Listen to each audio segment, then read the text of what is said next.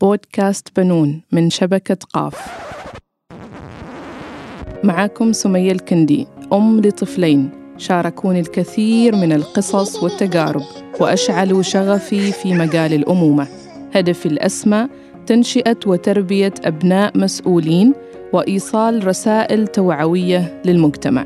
بودكاست بنون رحلة مع تجارب وقصص واقعية بطرق عملية وسهلة. نتشارك المعارف لبناء جيل أكثر مسؤولية وعطاء لمستقبل أفضل للبشرية.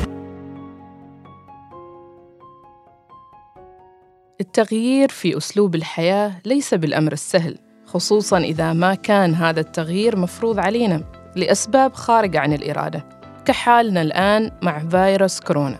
وعادة ما تمر المراحل الأولى من أي تجربة تغيير ببعض الصعوبات والتحديات ولكن مع الوقت بتكون أسهل بإذن الله.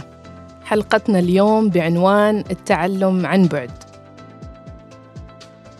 التعلم عن بعد قد لا يكون هو الخيار الأفضل لبعض العوائل ولكن المرحلة الحالية تتطلب منا تهيئة أطفالنا وتقبل التعلم المدمج واللي يجمع بين التعليم الإلكتروني والطرق التقليدية للتعليم.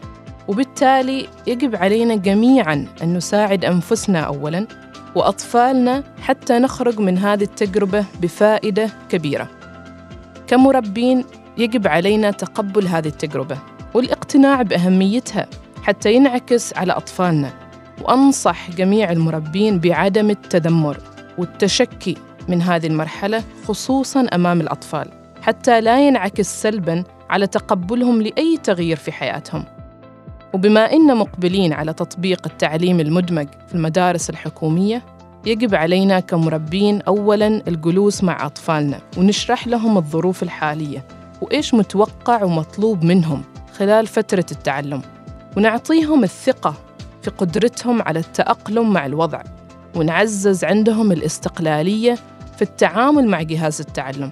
وأنا شخصياً أعتقد بأن جميع الأطفال قادرين على التعامل مع الأجهزة بشكل ممتاز جدا وإنها ما بتكون عائق أمام تعلمهم في هذا الظرف الاستثنائي.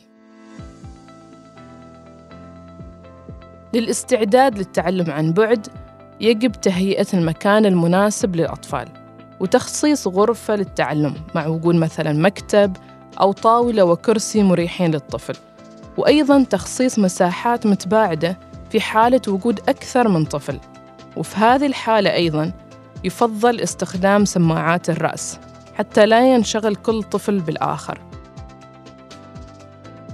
كذلك في مرحلة التعلم عن بعد يفضل شرح تفاصيل البرنامج المستخدم في التعلم للطفل. من تجربتنا مع ولدي أحمد بداية الدراسة هذا العام شرحنا له تفاصيل البرنامج كيف يقدر ينتقل من حصة لأخرى وكيف يفتح ويغلق الميكروفون وأيضا كيف يقدر يجاوب على الواجبات المنزلية وغيرها. وبعدها الحمد لله بدأ كل يوم الصباح يقوم بنفسه ويفتح الجهاز ويحضر دروسه بالتزام يومياً. لذلك الثقة والاستقلالية مطلوبة جداً للتعامل الطفل مع الأجهزة. كذلك يجب على المربين مدح إنجازات الطفل وتشجيعه لتعزيز الانضباط والتفاعل مع المدرس. ولتجديد طاقة الطفل وتركيزه خلال فترة التعلم ينصح باستثمار الوقت بين الحصص للحركة والرياضة. خلال فترة التعلم عن بعد يجب على المربين التأكد من خلو الجهاز اللي يستعمل الطفل من أي مشتتات مثل تطبيقات الألعاب والبرامج المختلفة وغيرها وأقترح على الآباء حذف جميع التطبيقات في جهاز التعلم والإبقاء فقط على التطبيقات اللي يحتاجها الطفل خلال مرحلة التعلم عن بعد. ويمكن أيضاً استخدام تطبيقات المراقبة الأبوية لمتابعة استخدام الطفل للجهاز وتنبيهه في حالة استخدامه لأي تطبيقات ترفيهية خلال فترة التعلم. وبذكرنا لتطبيقات المراقبة الأبوية أقترح عليكم بعض التطبيقات السهلة والمفيدة. وأنا شخصياً استخدمت بعض هذه التطبيقات وجدتها جداً مفيدة في متابعة الطفل واستخدامه للجهاز. فمثلا حسب نظام التشغيل إذا تستخدموا نظام Apple يمكنكم استخدام تطبيق Mobicip للأطفال الصغار وللأعمار الأكبر تطبيق Covenant Eyes وأما بالنسبة لنظام أندرويد فممكن تستخدموا تطبيق زفت Parental Control. وأيضاً تطبيق Family Link ممكن استخدامه في النظامين. وبتحصلوا أسماء تطبيقات المراقبة الأبوية اللي ذكرناها قبل شوي في وصف الحلقة. وبما أن الأطفال بيقضوا ساعات أطول في التعلم عن طريق الأجهزة فضروري الانتباه لموضوع حمايتهم من مخاطر الإنترنت. ولذلك ينصح بأن يكون الآباء على اطلاع مستمر بجميع التحديثات وعلى معرفة تامة بالتطبيقات المستخدمة ومخاطرها وقوانينها. وأيضاً يكونوا على دراية بأنظمة الحماية المستخدمة في الجهاز مثل الأنتي فيروس وغيرها.